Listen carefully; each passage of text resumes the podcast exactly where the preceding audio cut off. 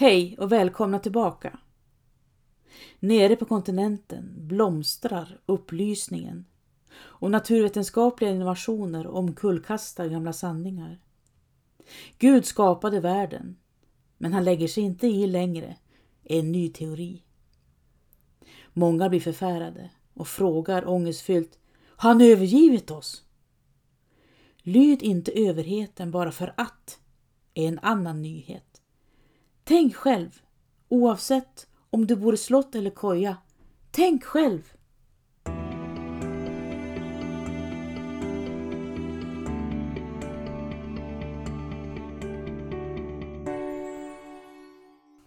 Bevingade ord från visa män. Hövlighet är strävan efter viljan att behaga andra. Montesquieu.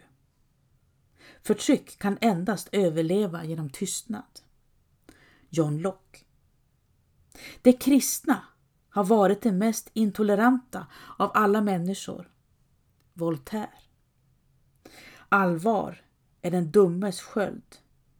Montesquieu. Även av en fiende bör man ta lärdom. Isaac Newton.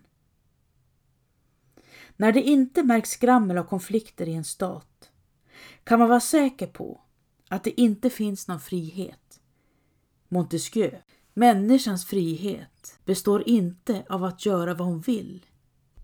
Den består i att hon inte behöver göra det hon inte vill. Jean-Jacques Rousseau.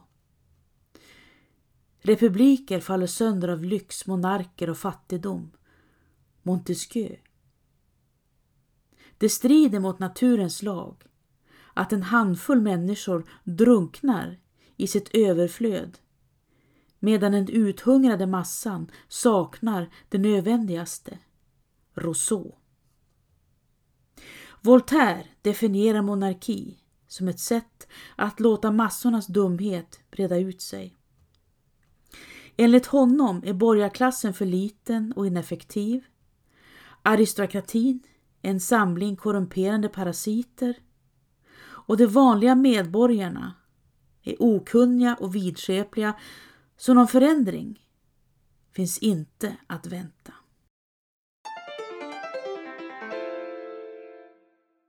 Voltaire lever ihop med en gift kvinna vid namn Emile du Châtelet under många år. Hon är främst känd som Voltaires partner och stora beundrare och avbildas sittande snett under honom, tittande upp med Voltaire som badar i det upplysta ljuset vid sidan om att vara Voltaires partner är Émile du Châtelet en framstående matematiker och naturvetenskaplig forskare. Jean-Jacques Rousseau anser att män och kvinnor har fått olika uppgifter av naturen. Kvinnans uppgift är att hålla sig till hemmet, vårda sina barn och glädja sin man. Endast på det viset blir hon lycklig. Kvinnor som obstruerar bör kuvas och lära sig självuppoffring för sin egen skull. Utbildning och det offentliga livet är skadligt för kvinnor. Så om man frågar Rousseau om upplysningens uppmaning Tänk själv, även gäller kvinnor, blir svaret nej. Kvinnan ska lyda mannen i allt hävdar oss så. Men får genast mothugg från England. Mary Wollstonecraft fnyser. Ha, vilket struntprat!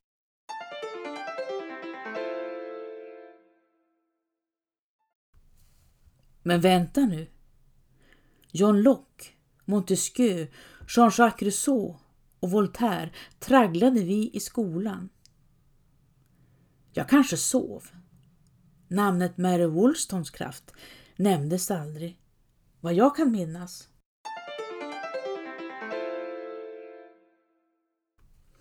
Mary Wollstonecraft anser att kvinnor och män är jämlika i Guds ögon och måste underkasta sig samma moraliska lagar.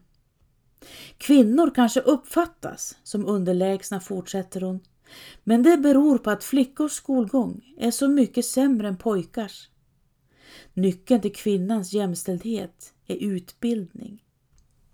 Om samhället överlåter undervisningen och skötseln av barn till kvinnor måste kvinnorna vara utbildade för att kunna föra kunskap vidare.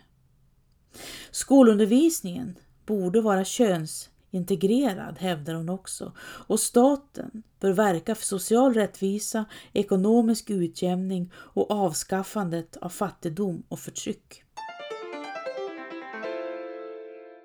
Förnuft och känsla ska inte verka oberoende av varandra utan upplysa varandra och kvinnor bör utbildas rationellt så att de kan bidra till samhället.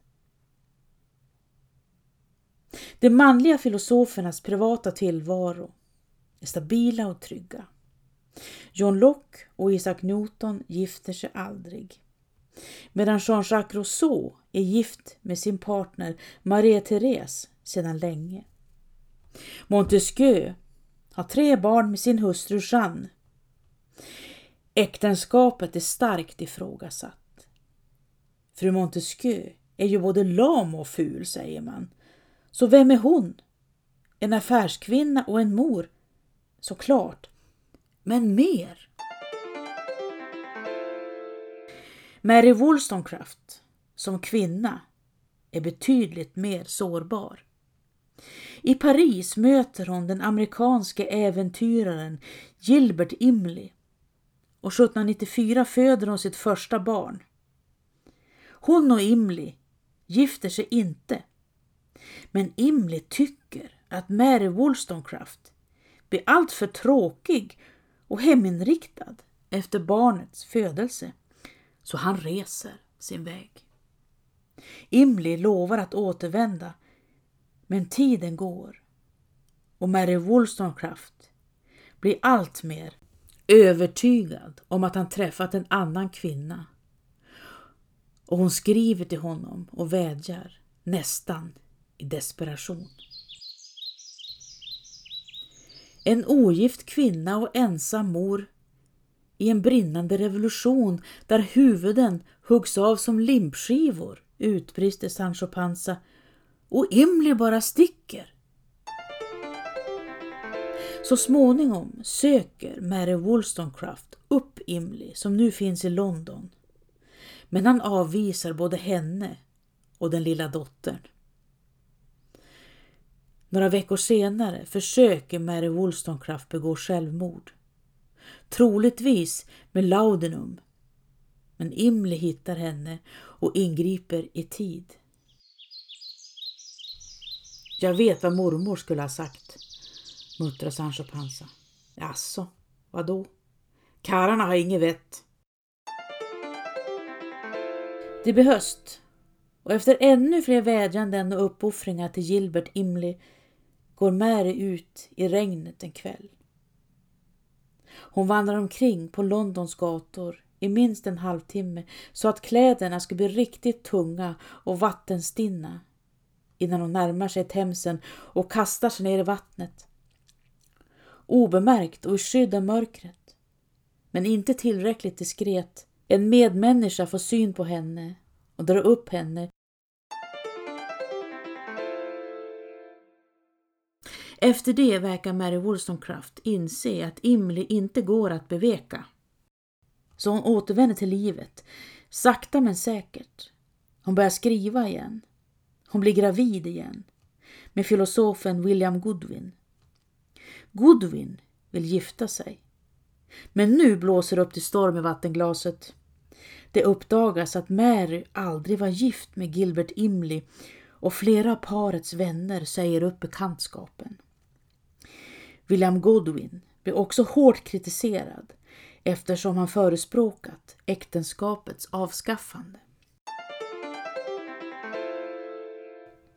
Mary föder sitt barn i augusti 1797 men drabbas av barnsängsfeber och dör två veckor senare.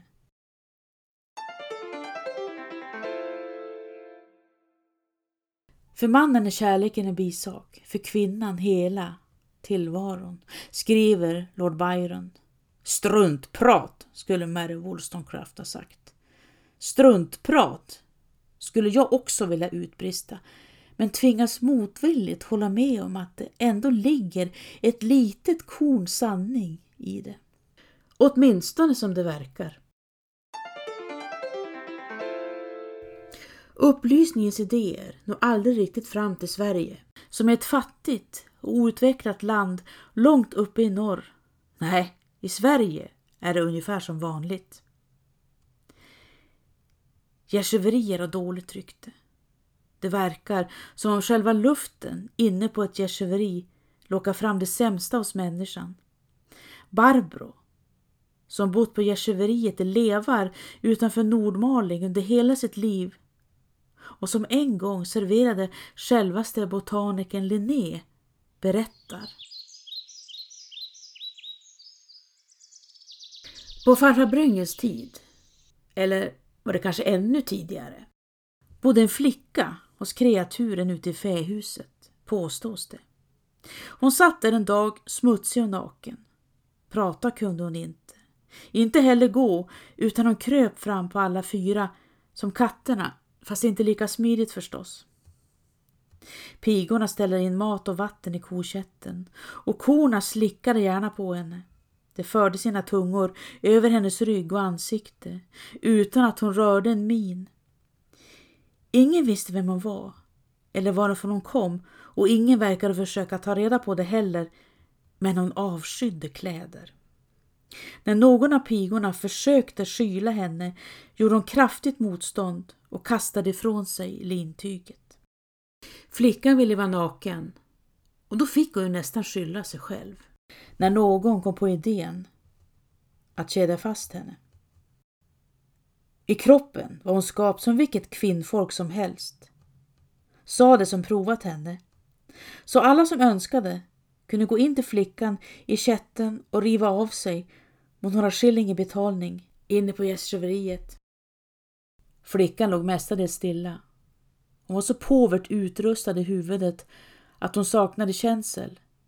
Så om hon gjorde motstånd eller gav ifrån sig djuriska läten var det bara att komma ihåg att hon varken kände eller begrep. Hennes hår var så mörkt och tjockt att hon nästan kunde försvinna in i det, men ögonen var tomma och tysta. Undrar om farmor visste vad som pågick, tänker Barbro och känner hur vreden reser sig inom henne. Fromma farmor, kyrkoherdedottern. Barbro nickar kort. Nej, farmor kan knappast ha känt till flickan i kokätten. Då hade hon lämnat orten. Så en dag var flickan borta och kätten gapade tom. Senare visade det sig att kyrkoherden hade varit och hämtat henne under natten. Han hade också nåtts av rykten om flickan i båset på gästgiveriet och gått dit och in i kätten.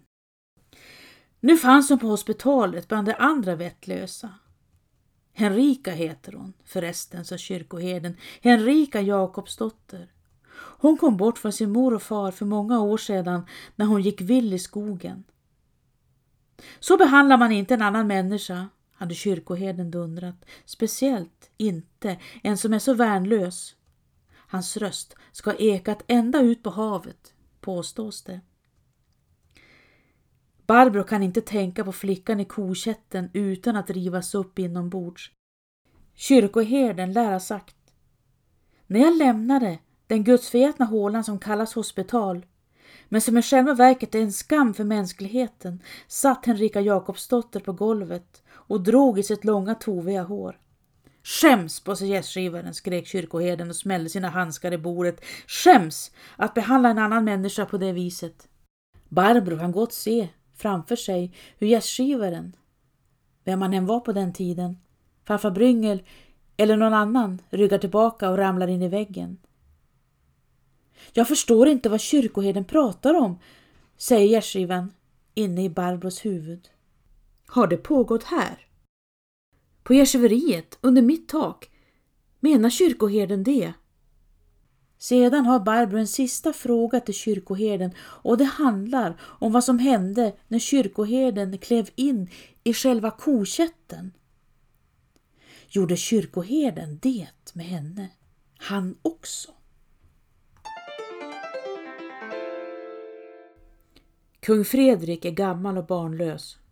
Hans barn med Hedvig Taube räknas inte, utan Fredrik saknar tronarvingar. Fast egentligen inte. Efter hattarnas fiaskokrig mot Ryssland utses Adolf Fredrik von Holstein till Sveriges kronprins. Adolf Fredrik finner sig inte riktigt till rätta i Sverige trots att åren går utan han föredrar att stå framför sin svarvstol och tillverka snusdosor. Hans hustru Lovisa Ulrika däremot är intresserad av både kultur och politik och beskrivs som viljestark och intelligent. Hennes ambition är att förvandla hovet till ett kulturellt centrum och hon grundar Vitterhetsakademin och håller litterära salonger.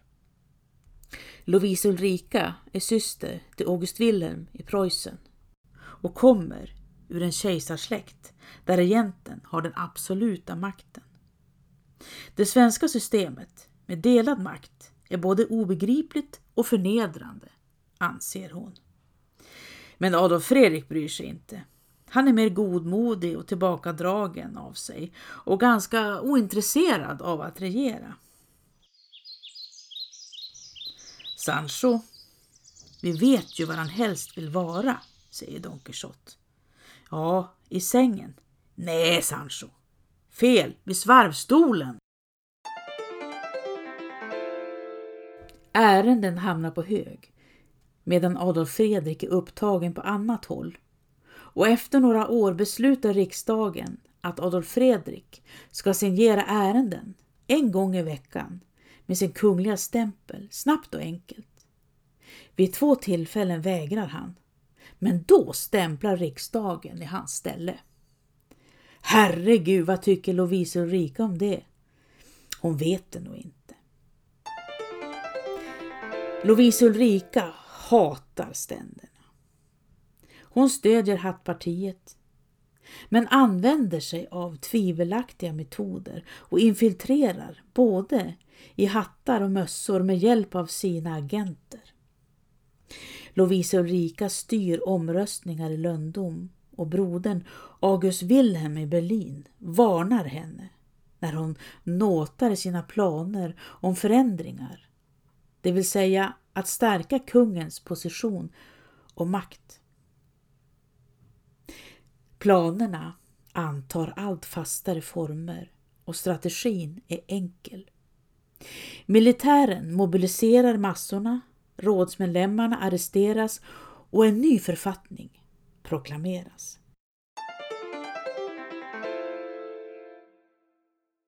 Men planerna röjs och kuppförsöket avstyrs.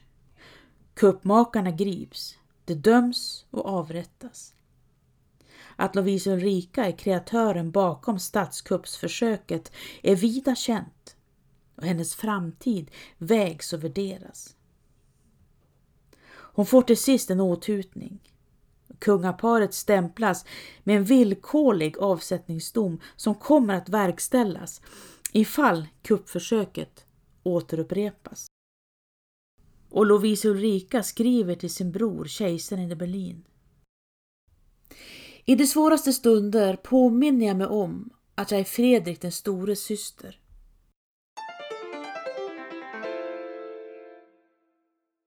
Femton år senare vacklar Adolf Fredriks hälsa. Han dricker brunn och kurerar sig innan han återvänder till slottet igen. Den 12 februari 1771 består middagen av surkål, kött med rovor, hummer, kaviar, böckling och champagne. Efter det serveras hetvägg. En semla med varm mjölk. Adolf Fredrik skriker till. Han ramlar ihop. Man bär upp honom till sovgemaket, men förgäves. En stund senare är han död. Lovisa Ulrikas ställning försvagas ytterligare och hon avskyr att vara enkedrottning. Ungefär osexigt, utropar Sancho Panza. Men Sancho, fräser Don Quixote tillbaka. Lovisa Ulrika beskrivs som arrogant, högfärdig och stolt och avskyr att inte uppmärksammas i händelsernas centrum. Hon finner det motbjudande att dra sig tillbaka i sin egenskap av enkedrottning och hennes skeptiska inställning till Gud provocerar. Lovisa Ulrika uttrycker öppet att hon inte tror på Gud och håller fast vid sin Guds förnekelse och tar varken nattvarden eller ber om syndernas förlåtelse. Både kvinnor och män måste vara dygdiga, även om dygd i första hand är en kvinnlig egenskap. Författarinnan Hedvig Charlotta Nordenflykt och Mary Wollstonecraft är överens på vissa punkter. Kvinnan är först och främst människa och i andra hand kvinna. Och nyckeln till kvinnans frigörelse går via utbildning. Det finns skillnader mellan könen, skriver Hedvig Charlotta Nordenflykt. Kvinnan är svagare än mannen i kroppsliga styrkor, men inte i själsliga eller intellektuella. Snarare tvärtom.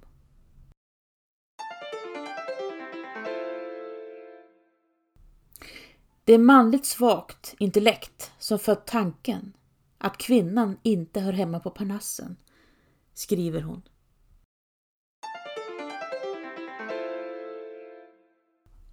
Det var allt för idag. Tack för att ni lyssnat.